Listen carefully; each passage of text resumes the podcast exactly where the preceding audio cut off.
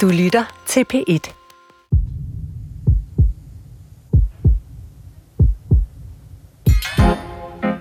Du er, hvad du husker. Men hvad så, hvis du lige pludselig ikke kan huske mere? Demens er en sygdom, som rammer rigtig mange mennesker. Cirka 90.000 danskere lever med demens den dag i dag. Og endnu flere frygter selv at blive ramt. Eller at vores nærmeste bliver ramt af demens. Og det er nok fordi demens jo piller ved sådan helt grundlæggende dele af vores identitet og vores forståelse af os selv. Det er også en skræmmende forestilling. Altså at man tand for tand syner hen i takt med at tidens tandhjul drejer og fjerner en efter en af de ting, som gøres til mennesker. Hukommelse, sprog, genkendelse, tanker, at man kan ting og vil gøre ting. Heldigvis sker der noget helt vildt inden for behandlingen af Alzheimers demens lige for tiden. Det er den hyppigste form for demens. Fordi for første gang i 20 år er der i USA blevet godkendt en ny type medicin, som prøver at fjerne de aflejringer i hjernen, som man mener er helt centrale for, at Alzheimers demens ikke bare opstår, men altså også bliver værre og værre over tid. Måske kan den nye medicin nemlig ikke bare lindre symptomer, men rent faktisk bremse sygdommen. Men med som med så mange eventyr er der altså uler i mosen. Og faktisk er historien om det nye Alzheimer-medicin lige så spændende som den bedste thriller. Der er tre topforskere fra det amerikanske lægemiddelagentur FDA's ekspertråd, der har sagt op, og hele ekspertrådet advarede enstemmigt imod godkendelse af medicinen, hvorefter FDA, lægemiddelagenturet, godkendte den alligevel på et ganske spinkelt grundlag, må man sige. I dagens sygt nok vil jeg og mine to eksperter huske hinanden på, hvad demens og hukommelse lige er, og så vil vi gerne udfolde den her helt store spændingsroman om ny demensmedicin. Mit navn er Maja Thiele, og øh, jeg vil gerne byde velkommen til mine to gæster i dag, nemlig Dorte Bernsen, professor i psykologi med speciale i hukommelse på Conamore på Aarhus Universitet. Tak og Sten Hasselbalg, professor overlæge på National Videnscenter for Demens på Rigshospitalet. Tak. Og demens har jo, som jeg sådan indledningsvis uh, hintede til, altså et rigtig dårligt ry. Det, det er sådan en sygdom, som vi sikkert er mange, der kender, altså at man, man frygter det her med hele ens identitet som menneske går til grunde, sådan langsomt bider øh, sygdommen sig ind på ind. Øh, og vi skal nok dykke ned i en af, af kernesymptomerne, nemlig hukommelsen, og hvad det at miste hukommelsen kan betyde øh, for en person og for pårørende. Men jeg synes lige først, vi skulle øh, tage fat i den her verdensnyhed om Alzheimer-medicin. Det, det rydede altså øh, temmelig mange øh, forsider her i sommer, øh, da det kom frem. Øh, medicinen hedder Adacanumab, og det er den, den fungerer øh, grundlæggende anderledes end den type øh, demensmedicin, der ellers er på øh, markedet i dag. Og jeg ved ikke, øh, Sten Hasselbalg, vil du ikke sådan sige for, hvordan, hvordan er det lige, den her nye type medicin virker, og hvorfor? Jamen, øh, som du siger, at Alzheimer's sygdom er den hyppigste demenssygdom, øh, og derfor har der jo været rigtig meget fokus på at skabe medicin mod den, og det har man jo kæmpet med i rigtig mange år. Og øh, vi har i mange år haft det, vi kalder symptomlindrende medicin, det vil sige, at man kan gå ind og øh, behandle symptomerne, men man kan ikke behandle den bagvedliggende sygdom, og det betyder jo, at man med tiden vil blive dårligere, selvom man behandler symptomerne, fordi at sygdommen den fortsætter med at øh, skride frem ind i hjernen. Og øh, det, der skete her for, for ganske få måneder siden, det var, at man godkendte en ny medicin, som man mener er er sygdomsmodificerende, så det er et andet behandlingsprincip. Der går man altså ind og påvirker selve de sygdomsprocesser, der sker i hjernen. Og det er første gang faktisk nogensinde, at der er kommet en medicin, der er blevet godkendt øh, som sygdomsmodificerende, så det har vi ikke haft tidligere. Og øh, det er jo i sig selv fantastisk spændende. Mm. Øhm, men for at forstå, hvordan medicinen virker, så skal man jo så vide lidt om, hvad der sker i hjernen ved Alzheimer's sygdom, og det vi ved fra, fra en masse forskellige studier, det er, at det første, der sker, det er, at man begynder at håbe et protein op, der hedder beta-amyloid. Det er et protein, som vi øh, danner øh, naturligt i, i nervecellerne, når der er aktivitet i nervecellerne. Så, det, så vi har alle sammen det her protein i små mængder, men øh, de fleste er så i stand til at, at komme af med det her protein igen og vaske det ud. Men øh, i nogle tilfælde, så, så bliver de her systemer ikke så effektive, øh, og øh, med alderen, og, øh, og så sker der det, at de her proteiner begynder at klumpe sammen. Og de kan så ligge i hjernen i de her klumper, som vi kalder plaques, og det var noget, Alzheimer allerede beskrev for over 100 år siden, øhm, i, i de her plaques i rigtig mange år. Og først når de har ligget der en del år, så begynder hjernen at tage skade, og så kan vi se, at der begynder at ske skade på, på kommunikationen mellem nervecellerne, øh, starter nede i, i, i det, vi kalder tændinglappen, som også har betydning for hukommelse.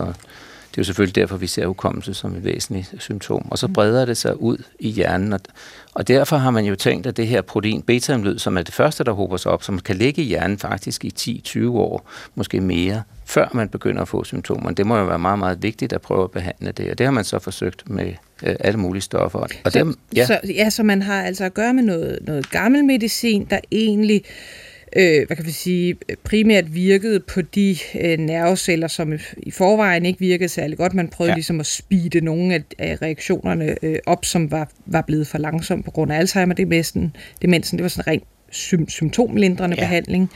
Og, og nu prøver man så i stedet for at sige, at vi, vi, vi, vi regner bestemt med, at det er det her amyloid, eller beta-amyloid, som hober sig op. Vi kan se det på nogle særlige scanninger. Øh, hvis vi fjerner det, så stopper vi måske den, den ødelæggelse af, af nerveceller, der sker øh, hos mennesker med Alzheimer demens. Ja, præcis. Og det har man jo så forsøgt nu i 20 år, uden held. Øh, og, ja, fordi det er, jo ikke, det er jo ikke første gang, man nej, har prøvet det her. Det, altså de første forsøg kom øh, lige omkring år, årtusindskiftet øh, på dyr. Man kan faktisk godt se, at man kan fjerne de her, øh, det her beta op ophobning i hjernen, men det har ikke rigtig haft effekt på udviklingen af sygdommen, og ikke haft effekt på, på symptomerne. Ja, og det er vel også der, øh, hvor noget af kontroversen ligger, ikke? At man, at man ved dels, har man prøvet andre typer medicin, som er givet, som også fjerner øh, amyloid fra hjernen, men som er givet til folk med moderat til svær Alzheimer, det mindst der var ikke nogen øh, effekt, når man målte på deres hvad kan man sige, øh, øh, øh hukommelse og tænkning øh, og, og sygdomsforværing. Øh, øh, og så laver, så laver man de her studier, hvor man så siger, okay, lad os give det langt tidligere. Mm. Øh, men, men prøv lige at sige, hvad, hvad har været problemet med det medicin? Så det giver jo god mening at give det noget tidligere, hvis man gerne vil stoppe, øh, at, at der er nogle nerveceller, der går i stykker.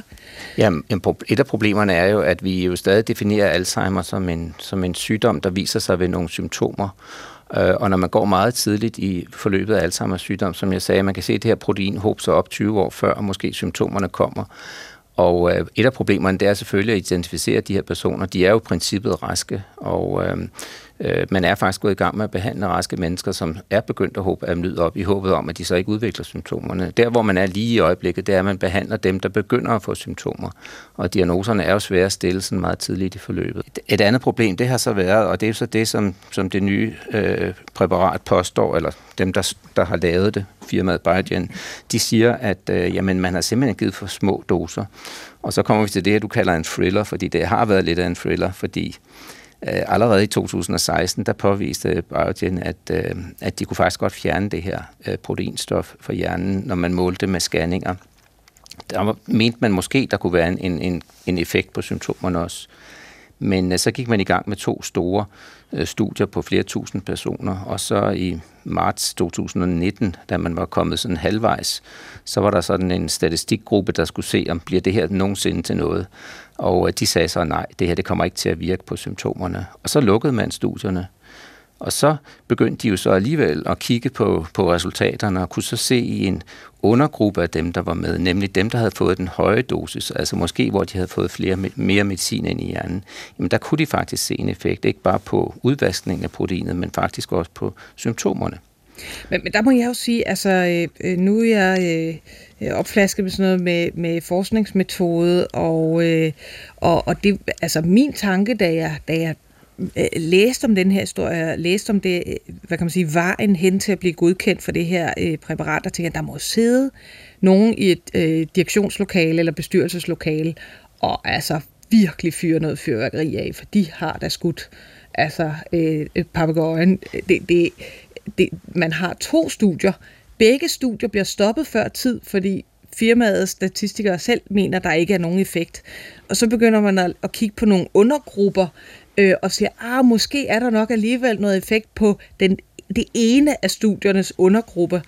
Øh, altså, er det ikke Jamen bare sådan din personlige holdning, er det ikke lidt vildt, at man, er det ikke udtryk for desperation, at Jo. man så fra, Jo, fra FDA's side siger, på det her ekstremt spinkle grundlag, øh, der godkender vi altså den her medicin? Jo, jeg tror, jo, du har ret, jeg- men jeg tror, man skal se det i den kontekst, at, at vi ved, at det her det er jo øh, en sygdom, der fylder utrolig meget, og som øh, øh, øh, når folk bliver ældre og ældre, jo kommer til at fylde endnu mere og har nogle enorme samfundsmæssige omkostninger, og derfor er der jo et, et, et enormt pres på for at få ny medicin øh, igennem og godkendt, og FDA valgte så at sige, at altså, man kunne se i de her to studier, at der rent faktisk var en effekt på det her med at udvaske proteinet. Og så sagde de, okay, nu godkender vi medicinen til udvaskning af beta-amyloid, og ikke til øh, bedring af symptomer, eller mindskelse af, af, af symptomerne. Og det er meget, meget usædvanligt, kan man sige. Men, men man har jo så stadigvæk, og mig bekendt, er, er det så en, en forløbig godkendelse, de har fået, men den forløbighed, det går, går på, at de har altså ni år til at lave et opfølgende øh, studie, hvor, øh, hvor man så kan vise, at det rent faktisk har en effekt. Ja. Og, og godkendelsen er ikke bare til de tidlige stadier, det er også godkendt sådan lidt øh, elastikmål bare til, til mennesker med Alzheimer's. Ja, det var i starten godkendt til, altså det var en meget mærkelig godkendelse. Altså når man, når man ser på selve sygdomsudviklingen af Alzheimer's sygdom, så mener jeg faktisk, det giver, det giver god mening at prøve at bremse udviklingen af det her protein, eller ophobningen af det her protein. Øhm, så, så rent teoretisk synes jeg faktisk, at det, at, at, at, at det er et, et spændende og interessant princip.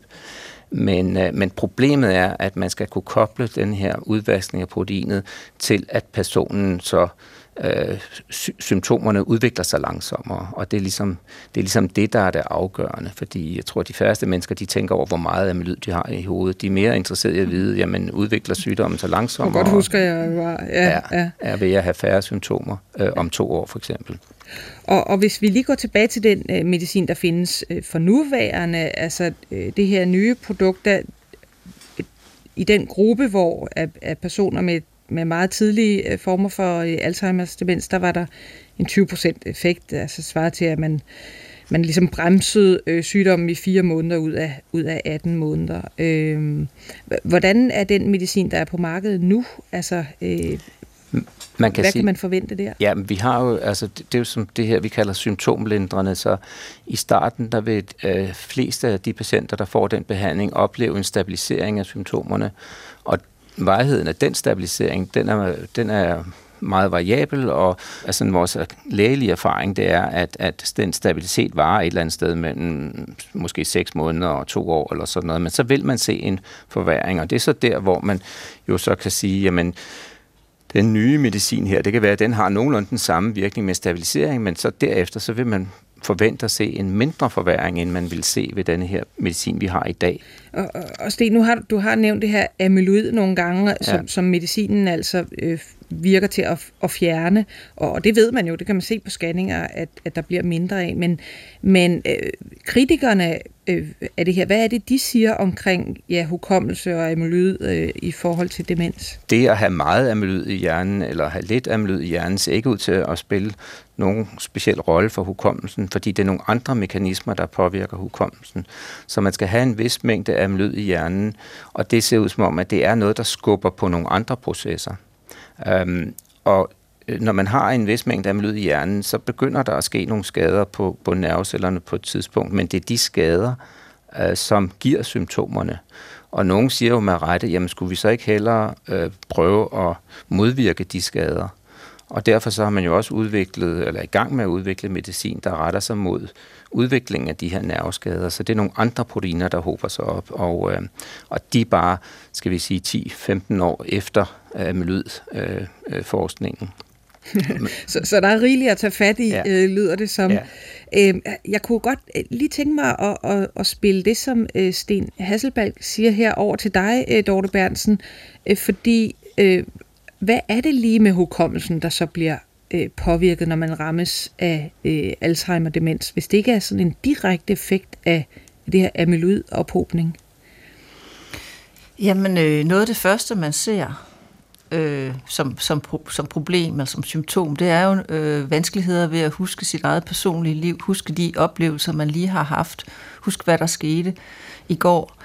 øh, eller for fem minutter siden måske. Altså at man simpelthen ikke får lagret, øh, får opdateret øh, sin, hvad skal vi kalde det, viden om sig selv. Man får ikke lagt de, de nye oplevelser ind i hukommelsen, fordi de mekanismer, der skal sammenbinde de nye oplevelser med de gamle, så at sige, og sætte forskellige komponenter af en oplevelse sammen til en erindring, de fungerer ikke så godt længere øh, på grund af de områder i hjernen, der, der er blevet berørt af, af de her aflejringer, som, øh, som Sten øh, talte om. Så, øh, og det er øh, især det, vi kalder selvbiografisk hukommelse, som, som berører os, altså evnen til at huske konkrete episoder, hvor den sådan mere generelle viden om verdens indretning og ens eget liv sådan generelt øh, ikke øh, berører så meget i, i, i starten, øh, mens de, de tidlige erindringer, erindringer fra barndom og ungdom, øh, bevares i, i længere tid, og det kan man få adgang til i længere tid. Så, øh, og så er der selvfølgelig også nogle andre hukommelsesformer, som sådan evnen til at, ja, evnen til at, at holde balancen, eller gå cykle, eller altså sådan nogle mere, vi kalder det procedurale hukommelsesformer, de, øh, de berøres heller ikke øh, af, af demensen, eller af Alzheimer, øh, i, i hvert fald ikke i de første faser. Så det går rigtig meget ud over det, vi kalder erindringsevnen, kan man sige, øh, og specielt for den seneste fortid. Og det er jo øh, et stort problem, fordi erindringsevnen bruger vi til at orientere os, øh, både socialt og øh, i, i, øh, og i tid og rum, ikke? Altså at man kan huske, hvor man, øh, hvad man gjorde sidste gang, man man var på indkøb, hvordan man, hvad man, hvordan man løste det, det, et, et bestemt problem sidste gang, man kom ud for det, øh, at, man kan finde, at man kan finde tilbage igen, hvis man er ude og gå tur og sådan noget, at man kan huske, hvilken vej man gik. Jo, og, og den type øh, hukommelsestab, som du beskriver, det er altså ikke at kunne, kunne huske, øh, hvilken vej man, øh, man skal følge, når man skal hjem, øh, øh, sådan noget. Det, det kan man godt forstå, det, det giver en, en påvirkning af livskvaliteten og i hele tiden evne, evnen til at leve sit liv, men men hvis vi træder sådan et skridt tilbage, så ved man jo også, at der simpelthen jo er en aldersmæssig påvirkning af hukommelsen. Altså at vi bliver ældre, og vi får alle sammen lidt dårligere. Vi kan ikke huske, hvor de der bilnøgler var, eller øh, øh, øh, hvad kan man sige, øh, hvad det nu øh, var for en aftale, øh, man, man har i morgen. Og sådan. Mm. Øh, ja. hvordan, hvordan kan det hænge sammen med, hvis man, hvis man sådan, hvis vi, hvis vi måler på livskvalitet, så kan man faktisk se, at ældre øh, mennesker har ikke en påvirkning af livskvaliteten. Øh, så, så, så man kan godt ligesom tolerere et vis hukommelsestab, men ikke rigtig meget. Ja, ja. Kan man skille mellem de to ting? Ja, altså fordi de, de, hukommelses, de hukommelsesproblemer, så jeg heller vil kalde det en hukommelsestab, som, som knytter sig til almindelig aldring, det er meget sådan noget med at huske detaljer og få sat øh, ting ind i den rette kontekst. Hvem var det lige, der fortalte mig ditten og datten på, på et bestemt tidspunkt, eller ja, netop hvornår det er, man skal tage sine piller og sådan noget. Det er jo ikke øh, et, et sådan et, et massivt hukommelsestab. Det er jo ikke, at man pludselig ikke kan huske, øh, hvad der blev sagt for fem minutter siden, eller at man ikke kan huske, at naboen var på besøg i formiddags og sådan noget. At, det, at man er gået helt blank på det. Det er jo langt mere, øh, som man ser ved demens, det er jo langt, langt mere øh, alvorligt. Så den almindelige aldringsproces ja, den, den gør, at vi har for sværere ved at huske konkrete episoder, men vi kan stadigvæk huske rigtig mange ting fra vores liv. Og vi kan også huske stadigvæk mange episoder, men vi, vi laver måske lidt flere fejl og har lidt, er lidt langsommere til det, lidt langsommere til at huske navne og numre og telefonnumre og hvad man nu har brug for at huske. Og, men, men og lave man... flere fejl, men, men det er jo ikke, altså, det er jo slet, slet ikke det niveau, som når man, når man taler demens. Men, men kan man skælne, altså en ting er, at man kan lave en hjernescanning og se nogle aflejringer af amyloid protein, og så kan man sige, at det er mhm. formentlig øh, Alzheimers ja. demens, men kan man skelne mellem den, den, den aldersbetingede øh, påvirkning mm. af, af hukommelsen og så en egentlig demenstilstand? Der findes jo de her sådan, test, man bruger, øh, som er egentlig psykologiske test. Altså som er, øh, demensdiagnoser øh, stilles jo i vid udstrækning ud fra nogle øh, psykologiske test, øh, som undersøger øh, ens øh, hukommelsesmæssige færdigheder øh, ved at stille nogle forskellige opgaver, som man skal løse. Og der kan man så se at øh, hvis man er en, en øh, ældre person, som er, er, er rask nok, men bare ældre, jamen, så kan man godt finde ud af at, at løse de opgaver. Mens hvis man øh, har en demenssygdom, så scorer man meget lavt, og, øh, eller så scorer man lavere, ikke? så scorer man under et vist cut-off på sådan en test, og det bruger man så øh, blandt andet til som, som øh, vejledende forhold til at stille øh, diagnosen. Og, øh, og man bruger det jo også i de her medicinske undersøgelser som et mål for symptomerne. Det er jo, det er jo meget interessant egentlig, at man giver nogle øh, medicinske præparater, men det man måler på, det man måler effekten på, det er jo i vid udstrækning psykologiske målinger, når det, når, i hvert fald når det er symptomer, man måler på. Så er det netop hukommelsestest, kognitive test osv.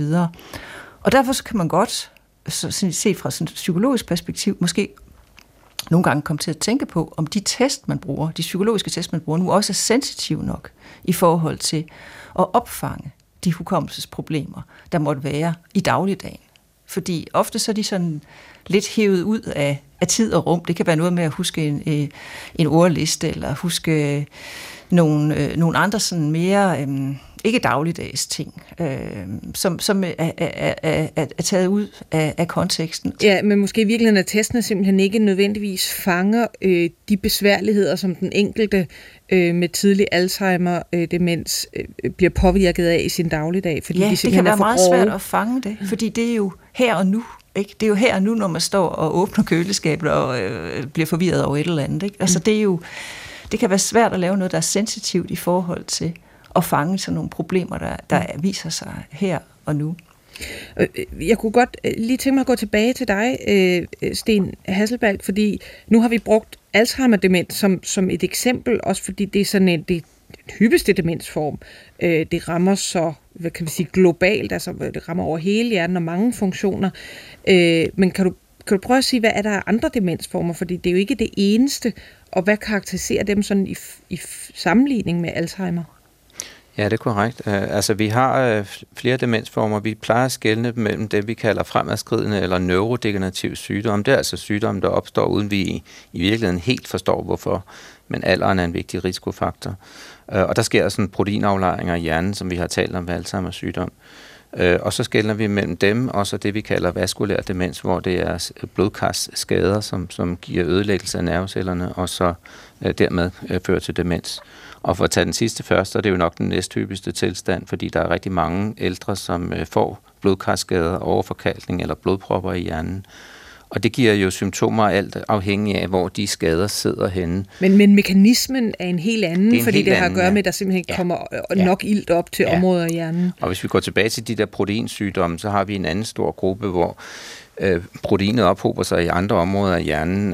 det er det, vi kalder Parkinsons sygdomme, når vi kender de fleste af os kender godt Parkinsons sygdom som en sygdom, der giver bevægeproblemer, hvor man får rysten af hænderne, langsomme bevægelser, øh, foroverbøjet gang. Og den sygdom øh, kan, øh, hvis den har stået på længe nok, øh, faktisk også give demens, øh, og det kalder vi så Parkinson-demens. Så, så, så det er øh, afgørende også at finde ud af, hvad det er for nogle demenssygdomme, det handler om. Men de har til grundlæggende, har de altså også forskellige proteinaflejringer, og øh, nogle af de mekanismer, der sker, når, når, når proteinerne så laver skade på hjernen, det kan godt være, at det er de samme, men, men i bund og grund er det forskellige sygdomme. Du lytter til Syg Nok. Mit navn er Maja Thiele, og med mig i studiet er Dorte Bernsen, professor i psykologi med speciale i hukommelse på Conamore på Aarhus Universitet, og Sten Hasselbalg, professor og overlæge på National Videnscenter for Demens på Rigshospitalet. Og du har nemlig gættet det, vi snakker om demens i dag, og også om hukommelse, fordi de to ting er, er tæt forbundet. Øhm, og Dorte Bernsen, kan du ikke lige hjælpe os med at prøve at forklare begrebet hukommelse? Altså, hvad, hvad, øh, når man forsker i hukommelse, hvad, hvad, hvordan definerer man så det? Jo, altså hukommelse, det er, vil jeg sige, er en psykologisk øh, færdighed, en psykologisk egenskab, som er egentlig omfatter alt det, vi har lært og erfaret igennem livet. Øhm, altså alt det, der ikke er medfødt, så at sige. Og, øh, og derfor er det jo et meget, meget vidt begreb. Altså det øh, omfatter øh, evnen til at tale, også øh, ordbetydninger. Man kan huske ordbetydninger, man kan huske, hvordan man skal udtrykke sig, at man kan huske, hvordan man cykler, hvordan man spiller klaver, hvis man har lært det. Øh, og så omfatter det jo øh, evnen til at, at huske kendskærninger, huske øh, faktuelle ting, huske, at Paris er hovedstaden i Frankrig. Og så har vi så også det, vi kalder for selvbiografisk øh, hukommelse, som er evnen til at huske konkrete oplevelser, man har haft i sit eget liv, og sætte dem ind i sådan en større selvbiografisk kontekst, kunne fortælle sin livshistorie. Man opdeler jo også i forhold til, om det er korttidshukommelse eller langtidshukommelse, hvor korttidshukommelsen, det er det er sådan det, vi er, er bevidste om her og nu, det som vi bearbejder her og nu, øh, som så måske, hvis, hvis vi bearbejder det godt nok senere, kan lægges ind i langtidshukommelsen og dermed blive tilgængeligt senere hen. Og der kan man sige, at noget af det, der sker, i hvert fald ved Alzheimers sygdom, det er, at man netop ikke får øh, lagt de her nye oplevelser ind i langtidshukommelsen. Det kan godt være, at man er, eller man er selvfølgelig bevidst, øh, når, de, når de finder sted, når man har den her snak med, med naboen eller lignende, eller telefon øh, op, opringning, men man får det ikke øh, lagt ind i langtidshukommelsen, sådan at man eller til synligheden i hvert fald ikke, sådan at man bagefter kan hente det frem igen, så man kan ikke huske det. Man, man kan, ikke huske det, når det var på besøg. tillære sig nye ting. Nej, det har man sværere ved i hvert fald. Ja. Øhm, så afhængig af, hvor fremskreden sygdommen er selvfølgelig. Og, og Dorte, du har sådan en øvelse, som du nogle gange laver, når du er ude og holde øh, foredrag øh, for at, øh, at vise, jeg tror det var altså den selvbiografiske hukommelse. Ja. Kan, kan du ikke prøve, øh, kan du ikke prøve at, få, få mig og Sten Hasselbalg igennem den? jo, den er meget, meget simpel. Så når man som forsker skal undersøge selvbiografiske erindringer, så er det vigtigt at, øh, at kunne finde ud af at spørge på en måde, sådan at man får et repræsentativt udsnit af folks erindringer. Og så er der nogen, der har fundet på, at det kan man gøre ved at give folk nogle ordassociationer. Og så skal man, hvis, man, hvis det var et rigtigt eksperiment, så skulle, I, så skulle I have en hel masse forskellige ord og associere erindringer til. Men øh, vi kan jo nøjes med et enkelt. Så øh, jeg kan jo bede jer om at få en øh, erindring til ordet hus.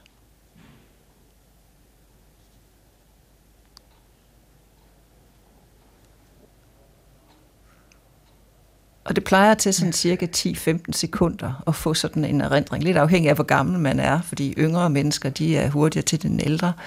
Men øh, det er sådan en en, en lidt langsom proces, kan man sige, men som regel kommer man i tanke om et eller andet, man kan, en eller anden konkret erindring, man kan forbinde med, med det ord. Og så øh, får man den sådan bygget op og får sat den ind i en, i en større kontekst.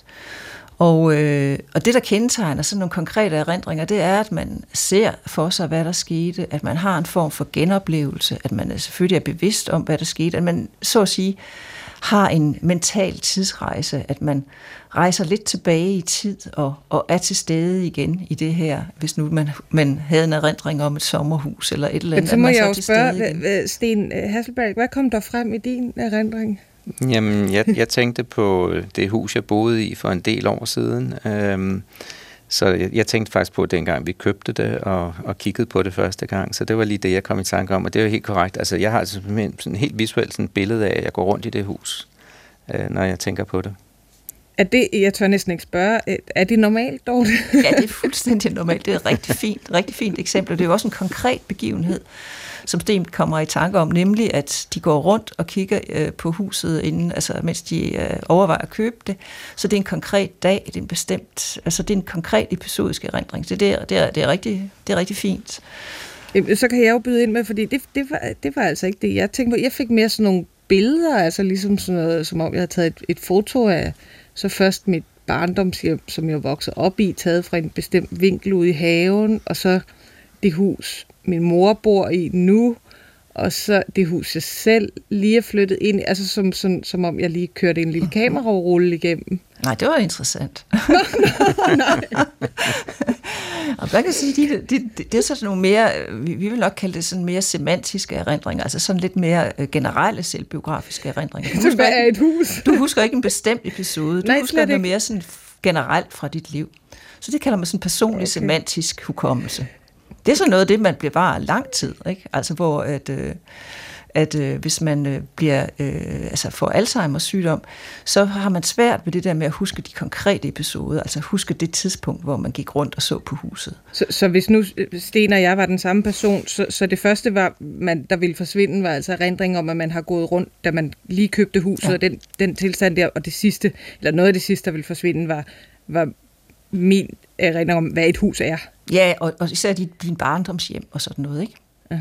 Og, og, og hvad er det, der sådan sker, øh, når, når Sten Hasselbalg og jeg selv står her og genkalder os øh, de her øh, erindringer?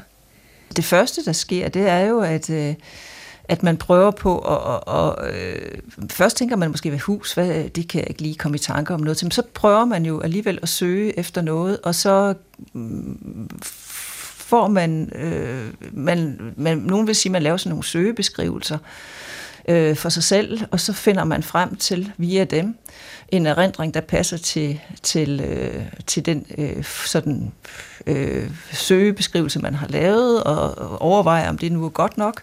Og øh, hvis man er tilfreds med det, jamen så fastholder man den erindring og prøver på at elaborere lidt mere på den, sådan at den ligesom folder sig ud. Så der er sådan tre altså et faser, kan man måske sige. Altså den første er sådan en søgningsfase, hvor man prøver at finde frem til en erindring og til det her øh, ord, og så øh, på et tidspunkt, så får man sådan en erindring, eller mange af os gør i hvert fald, og så fastholder man den og elaborerer mere på den og prøver at sætte den ind i en større kontekst. Så det er sådan, det berører mange forskellige steder, mange forskellige områder, der tager del i det. Man kan sige, det er sådan set er samlet et stort puslespil, øh, som, som, øh, hvor brækkerne ligger forskellige steder. Og, og er det derfor, at øh, demens, særligt Alzheimer-demens, øh, rammer hukommelsen ofte som noget af det første? Altså i hvert fald, at øh, de områder i tændingelappen, som, som netop, hvor de her øh, aflejringer øh, gør skade, eller ligger og gør skade, som, som Sten redegjorde for, det er nogle områder, som vi også ved er rigtig, rigtig vigtige for at kunne sammenbinde øh, de her forskellige erindringskomponenter. Og, og når du nævner de her tre forskellige dele i det at erindre, er der, ved man noget om, hvordan mennesker med demens erindrer, og hvad der er hvad kan vi sige, påvirket?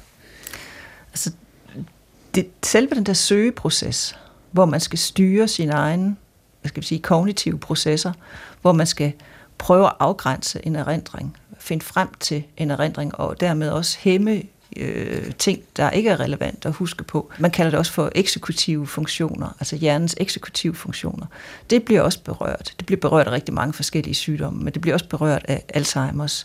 Og, øh, og det gør så, at man netop har svært ved øh, at, at finde frem til en erindring, fordi man øh, har simpelthen svært ved at styre sit eget, øh, monitorere sit eget bevidsthedsliv.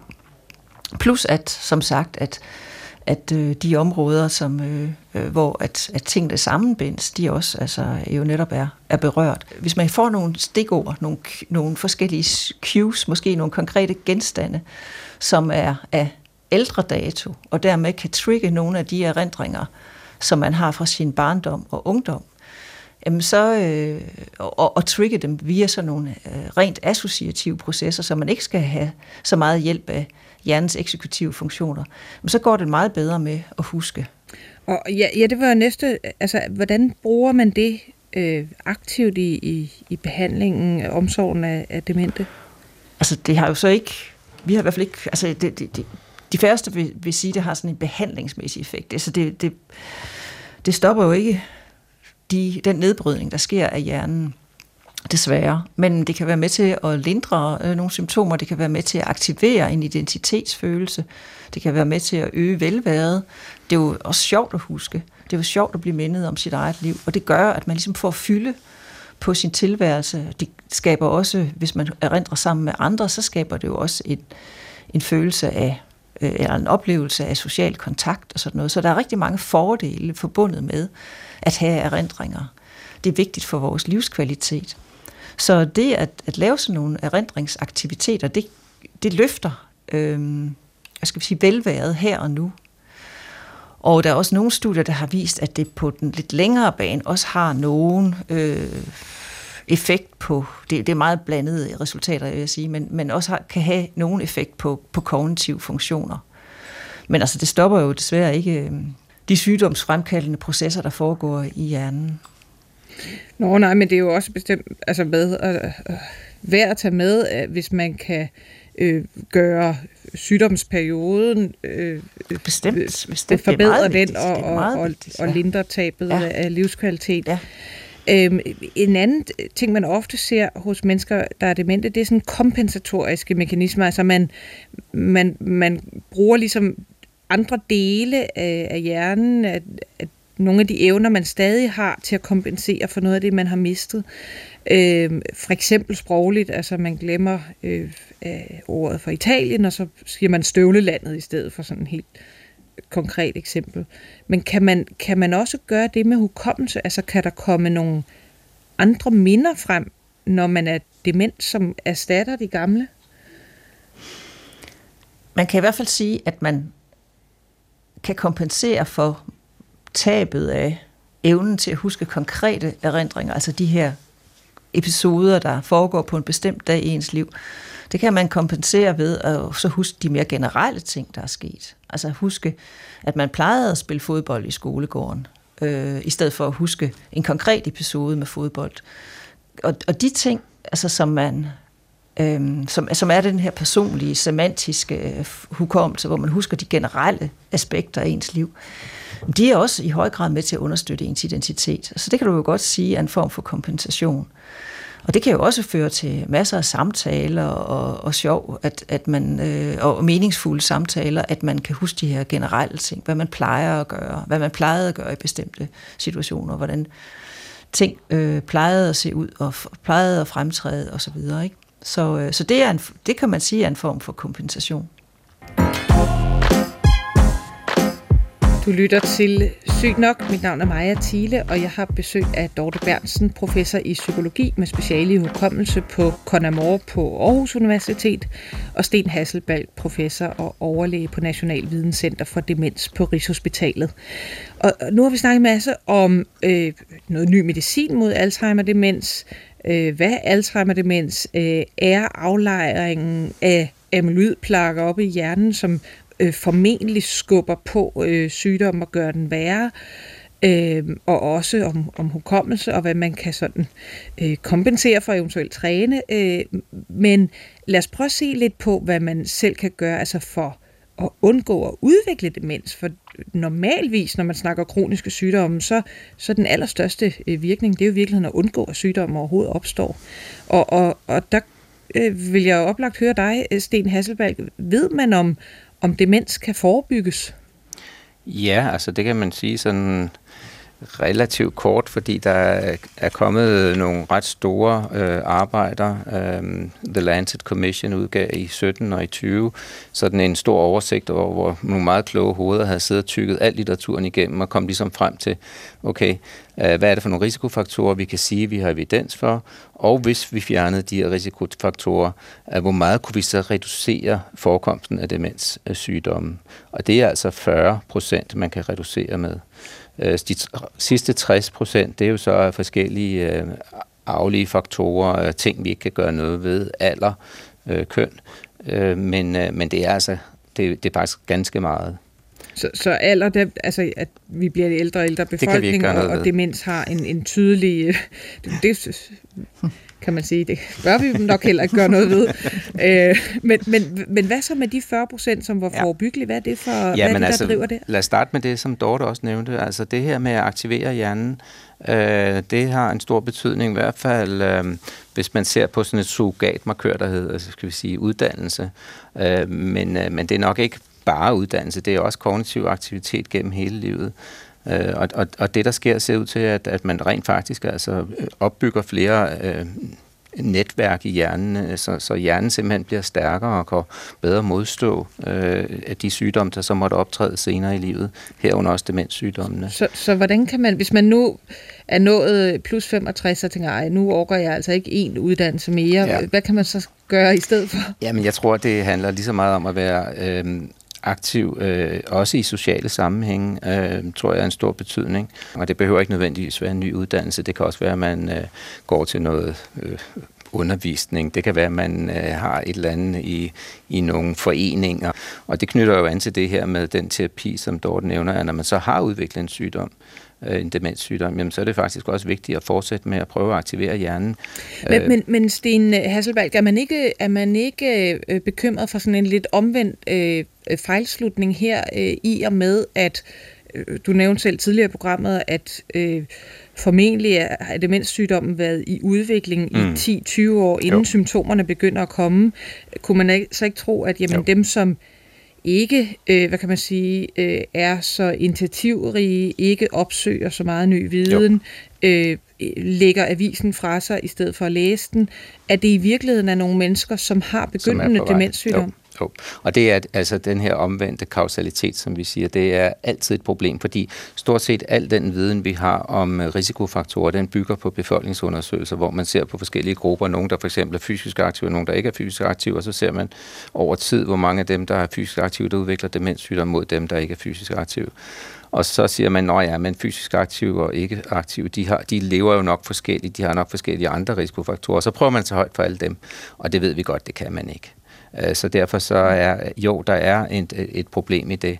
Øhm, og, øh, og så er der det her spørgsmål om, hvad kommer før, altså hvad er hønen og hvad er ægget? Øh, når man kommer tæt på der, hvor man begynder at udvikle demenssygdom, er det så virkeligheden det, man kigger på som risikofaktor? Er det bare de første trin i demenssygdom? Øh, og der er for eksempel en anden risikofaktor, som vi, som vi kender, der hedder depression. Altså der der må vi sige, at nogle gange så tænker vi, at jamen, de depressive symptomer, man får måske 20 år før man udvikler en, en, en, øh, en demenstilstand, er det i virkeligheden de første spæde trin på den vej, og ikke alene bare en risikofaktor, men faktisk som følge af sygdommen.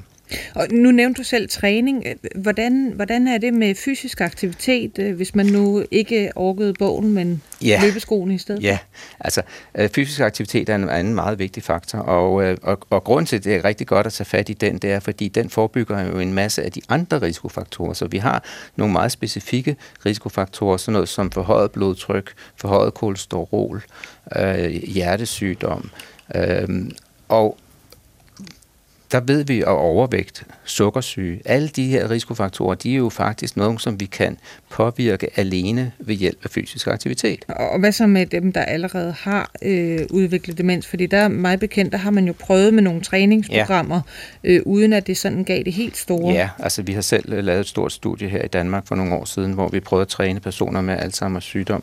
Og øh, dem, der virkelig trænede, altså det de skulle, de havde faktisk en effekt på sådan mental tempo og opmærksomhed. Øhm, så, så jeg vil sige, det kan godt være, at vi kunne ikke se nogen som helst effekt på de sygdomsprocesser, der var i hjernen med beta-amyloid. Vi målte også beta-amyloid med scanning og alt muligt, men måske var vores studie for lille, eller også er der ikke nogen effekt. Så er det måske en effekt, der går på noget andet velvære, og det kan have noget at gøre med, med dannelse af hormoner og, og andre ting, der gør, at man faktisk øh, synes, man har det godt, når man er fysisk aktiv. Det tror jeg, vi alle sammen har prøvet. Så det er i hvert fald ikke øh, skadeligt.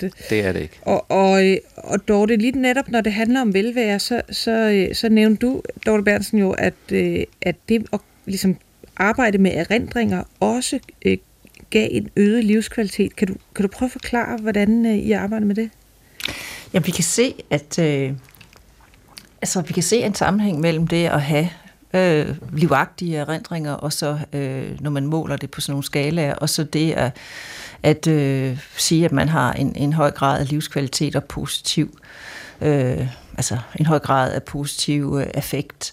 Og det er måske fordi, at øh, langt de fleste af vores erindringer er faktisk positive, når vi ikke er deprimeret eller lider af, af, af, af angst eller lignende.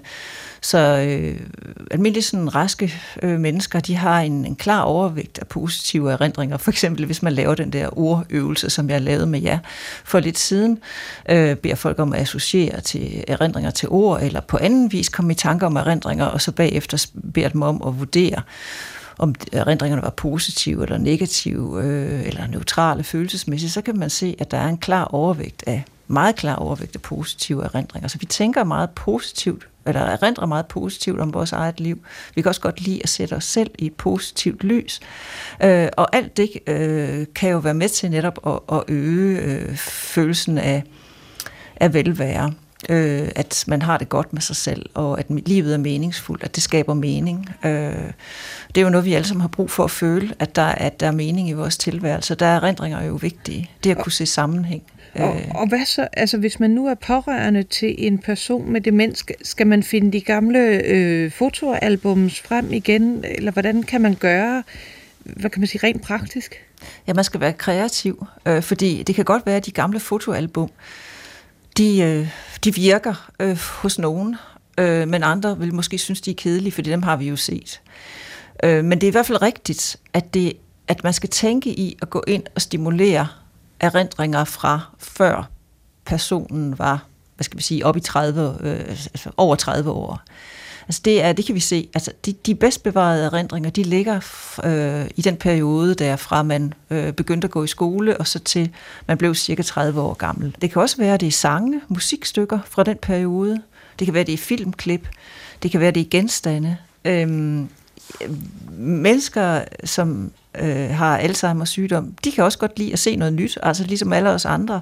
Så de gamle, øh, altså hvis man, kan, hvis man på en eller anden måde kan, kan komme med øh, en, en, en sang fra 1950'erne, hvis personen øh, var, var ung dengang, som personen, altså den, en sang, som personen ikke har hørt længe, så er den jo ny, men samtidig gammel. Og sådan noget, det kan være med til sådan at skabe en, en aha-oplevelse og, og en følelse af genoplevelse og, øh, og, og, og sådan en, en, en gensynsglæde, ikke, som man kan have ved at, at møde de her øh, velkendte ting, som man bare ikke har, har hørt længe eller set længe. Ja, og, og hvad, hvad er det lige, der gør, at eksempelvis sådan noget som musik, altså det er jo et helt felt, øh, musikterapi, som vi slet ikke har været øh, inde på omkring øh, demensbehandling, men hvad er det, der gør, at jamen, musik, øh, øh, dufte, øh, sådan nogle ting, der aktiverer sanserne, snarere end nødvendigvis at tale mm. en person igennem en, en gammel rending. Hvad er det, der gør, at, det, at lige det virker så meget stærkere? Ja, det gør det så nogle gange, ikke? Altså det, det, det, det er jo for, altså det, jeg vil sige, hvis, jeg vil sige, det er fordi, det netop er sådan nogle associative processer, det kan sætte i gang. Det er, det er noget, der ligesom kan- kan komme kom ind af bagdøren, og, og via associationsforbindelser, uden at man behøver at tænke så meget over det, uden at man behøver at lægge så mange kognitive kræfter i det, så kan erindringerne, erindringerne aktiveres af sig selv. Noget, der så også kendetegner musik og sange, for eksempel fællessang, eller så det at synge velkendte sange, som man måske lærte, da man gik i skole og har og kender rigtig godt, har, har øh, øvet mange gange siden, det er jo, at, de, at det er noget, der er rigtig nemt at huske, fordi øh, der er rim og rytmer, øh, der, øh, der går ind og begrænser, altså sangen synger næsten sig selv. Altså det, øh, hjerte rimer på smerte og så videre. Altså, så, så det er, der er en struktur i de sange, der gør, at de er let at huske. Og derfor så sådan noget som fællessang, eller bare det at synge, det er noget, man vil kunne blive ved med i lang tid. Jo, så handler det vel også om at give den demente mulighed for at have det sociale samvær, altså at sikre øh, imod isolation, som vel ellers kan Ja. ja. være et, et, et, et, en, en validerende del af det at, at ramme sig demens. Præcis, og, og alle har jo den samme oplevelse, når man sidder og synger, jeg ved, en lærkerede, lærkerede ikke? Altså alle har jo den, synger jo den samme sang, og man oplever nogle af de samme følelser sammen. Så, øh, så, så det er sådan en, en ganske særlig aktivitet, kan man sige. Du lytter til øh, Sygt nok. I dag handler det om demens og hukommelse. Mit navn er Maja Thiele, og med mig i studiet er Dorte Bernsen, professor i psykologi med speciale i hukommelse på Conamore på Aarhus Universitet, og Sten Hasselbalg, professor og overlæge på National Videnscenter for Demens på Rigshospitalet. Og øh, nu har vi jo nævnt i starten af programmet en, en helt ny øh, behandling af, for Alzheimer's demens, som er blevet godkendt under temmelig usædvanlige forhold i USA. Øh, nu må vi se, hvordan det går øh, i Europa. Øh, Sten øh, Hasselbalg, hvad, hvad tror du, hvis du skulle kigge lidt i, i den, Krystalkuglen. den, i krystalkuglen der frem mod, øh, frem mod ny medicin i, i Europa? Tror du på det? Øhm, altså, jeg, det er svært at sige, hvad der kommer til at ske lige præcis med det her øh, præparat. Øhm, jeg tror, at der kommer lignende præparater. Jeg ved, der er lignende præparater på vej. Nogle af de store firmaer, som jo havde lukket lidt ned for den her del af forskningen, fordi de sagde, at det her det kommer nok aldrig til at virke, de er jo blevet meget optændt igen, og de forsøger at, øh, at fremskynde processen. Øh, normalt er godkendelsesprocedurer og studier og sådan noget, det er jo frygteligt øh, langvarigt noget. Jeg tror, der inden for få år, altså man skulle sige fem år eller sådan noget, så vil der nok dukke anden medicin op, som har måske nogle af de samme mekanismer, og som måske endda også er mere effektive. Jeg tror, der kommer nye præparater, som, som kommer til at rette sig mod nogle af de andre skader, der sker i hjernen. Øhm, der er en, en, en, en lang række følgevirkninger af de her proteinaflejringer, som betændelsesreaktioner, oxidativt stress og påvirkning af energistofskiftet i hjernen og sådan noget. Og der er også masser af medicin, der, der forsøger at rette sig mod det endnu uden øh, den større, store succes. Men jeg tror, der kommer noget. Og jeg tænker, at om 5-10 år eller sådan noget, så kan det være, at vi har noget medicin, der er specifikt rettet mod de proteinaflejringer der i hjernen, og så har vi noget medicin, som kan afhjælpe øh, virkningerne af, af de skader, der sker i hjernen. Så, så nogle kombinationsbehandlinger, det tror jeg faktisk, og jeg er da mere, mere optimistisk, end jeg var for nogle få år siden. men men en, af, en af barriererne er vel, at hvis det her nye medicin øh, skal vise sig at virke, så skal man jo have fat i folk ret tidligt. Ja. Og, og øh, lige nu i hvert fald, så tænker jeg og formentlig en del andre på Alzheimer-demens som en svær, invaliderende, kronisk fremadskridende sygdom, uden nogen særlig god behandling. Så, så når jeg begynder at mærke øh, min korttidshukommelse skride, så ved jeg altså alle talt ikke, mm. om det første, jeg ville gøre, var at tænke, nu har jeg, fået, nu har jeg Alzheimer, og lad mig undersøge for det. Nej, men det er jo klart, altså man skal jo ligesom have et, øh, et øh, behandlingsalternativ, øh, og, og det er også derfor, vi jo nogle gange er tilbageholdende med at påvise de meget tidlige Alzheimer-forandringer, fordi vi ved også, at der er faktisk en del mennesker, når de bliver ældre, der kan gå med de her Alzheimer-forandringer, uden nogensinde at udvikle symptomer på dem. Øh, men det er klart, at kommer der noget øh, medicin, som ser ud som om det effektivt kan bremse udviklingen af demenssymptomerne senere, jamen så er det jo noget, der skal sættes ind øh, ret tidligt, og det er jo klart, det giver selvfølgelig en masse udfordringer, ikke? Mindst for os, fordi så skal vi jo til at identificere de her forandringer inde i hjernen hos personerne, og øh, det er jo en helt anden proces. Så skal man starte med dem, der har en særlig risiko for sygdommen og så videre. Fordi det er jo ikke noget med, at vi skal ud og skrine hele befolkningen for det her. Vi skal ikke begynde at gøre folk syge 20 øh, år før de måske får en sygdom.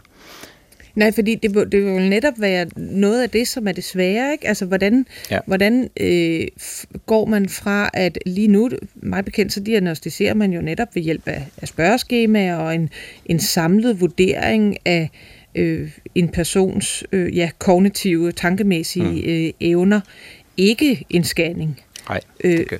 og det er fordi, vi jo altså har valgt, altså der er også en meget stor kontrovers i, i blandt fagfolk om, hvad skal vi egentlig kalde det her? Fordi skal vi kalde det Alzheimer's sygdom, når vi ser de første proteinaflejringer i hjernen, eller skal vi kalde det Alzheimer's sygdom, når vi ser faktisk slutstadiet, hvor man har de, øh, den her kognitive dysfunktion? Men det er rigtigt i øjeblikket, så diagnostiserer vi det ved hjælp af de her psykologiske tests, som Dorte også nævnte, og, øh, og så scanninger, øh, og øh, og andre undersøgelser. Begynder man at få kognitive problemer, øh, som vi kan måle, jamen så må man jo så tage den snak med sin læge om, at man skal gå videre og prøve at undersøge, hvad, hvad årsagen er. Øh, men det er jo klart, at man, øh, at man vil stå stærkere, hvis man har et godt øh, behandlingstilbud øh, til de her personer. Men jeg synes stadigvæk, det er vigtigt at sige, at det er vigtigt at blive undersøgt, for vi må altså understrege, at folk, der går til lægen med hukommelsesproblemer, de har et problem. Altså de oplever jo, eller også deres pårørende oplever, at der er noget galt. Og det kræver en, en ordentlig udredning øh, med rådgivning, information og også en, måske en prognose for, hvad kan det her være for noget. Så, så, så bare fordi man ikke har et eller andet, der kan kurere sygdommen, det, det skal altså ikke gøre, at man ikke lader sig undersøge for det. Men, men vil du som, som demenslæge i virkeligheden opfordrer folk til at tage tidligere kontakt til, til sundhedsvæsenet? Nej, jeg synes, jeg synes, man skal tage kontakt til sundhedsvæsenet, når man oplever det som et problem. Og når man oplever som et problem, det, det medfører jo en, en bekymring og en usikkerhed, som gør, at man har brug for at få en afklaring af det. Er det noget, vi skal tage alvorligt, eller, eller er det noget helt andet? Det kunne jo være, for eksempel, det var en depression. Det kunne være, det var en stofskiftesygdom. Noget, der skal behandles. Jeg synes ikke, at man bare skal gå til lægen, fordi nu kan det være, at der snart kommer noget ny medicin. Og sådan. Det, det skal man ikke. Dorte Bertsen, hvis du skal kigge i krystalkuglen, hvor kigger du så hen? Jeg tænker, at øh, vi kunne gøre mange ting for at mm, skabe mere mening i dagligdagen for mennesker, der allerede har udviklet demens, ved at øh, i høj grad betragte det som et handicap, altså et, et mentalt, kognitivt handicap inden en øh, tragisk sygdom, øh, som det jo selvfølgelig også er. Men, men ved at bruge noget af den psykologiske viden, som vi faktisk har på området, ved at, at øh, blive bedre til at udvikle aktiviteter, der kan der kan, øh, som, som mennesker med demens faktisk kan udføre. Altså det kan være spil, det kan være øh, små opgaver, det kan være øh, forskellige ting, der, der, der, der skaber mening i hverdagen. Mange mennesker med demens, som sidder rundt om på plejecentrene, de er restløse, og det er de måske, fordi der er ikke rigtig noget, de kan gøre. Det er ikke rigtig noget, de kan lave. Og, øh, og jeg synes, vi mangler øh, forskellige former for håndarbejde osv., osv. Som, som adresserer den tid, hvorfra der er mest bevaret viden, altså, og, og bedst bevarede erindringer. Altså så få, få gravet nogle af de ting frem. Øh, det kan være filmklip. Lange film, det dur nok ikke, men det kan være filmklip osv. Der, der er sådan set rigtig mange ting, man kunne udvikle øh, ud fra den psykologiske viden, vi har omkring, hvordan øh, demensen udfolder sig sådan rent altså på det mentale område. Og det tror jeg, vi kunne blive meget bedre til. Det er ikke nogen kritik af, af, af plejeomsorgen, øh, fordi den, altså, det, det, det, det, det, det er klart, at plejepersonale har ikke, har ikke tid til den slags, men jeg tror, at både pårørende og måske, man, man kunne sætte en masse i gang, måske med frivilligt arbejde også, som, som rækker ud over det. Gode, øh, de gode initiativer, der allerede er i gang. Så fremtiden er altså lys, øh, både for øh, mennesker med demens og deres pårørende. Det blev øh, de sidste ord for dagens Sygt nok.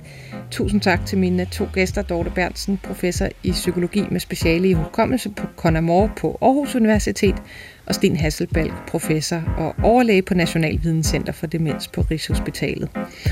Og husk, at øh, du som altid kan lytte til vores synes jeg selv, fremragende bagkatalog af programmer på øh, podcasts.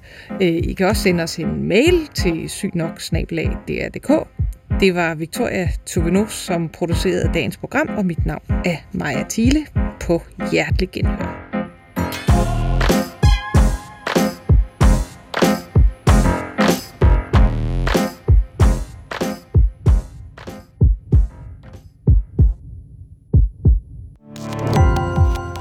Gå på opdagelse i alle DR's podcast og radioprogrammer. I appen DR Lyd.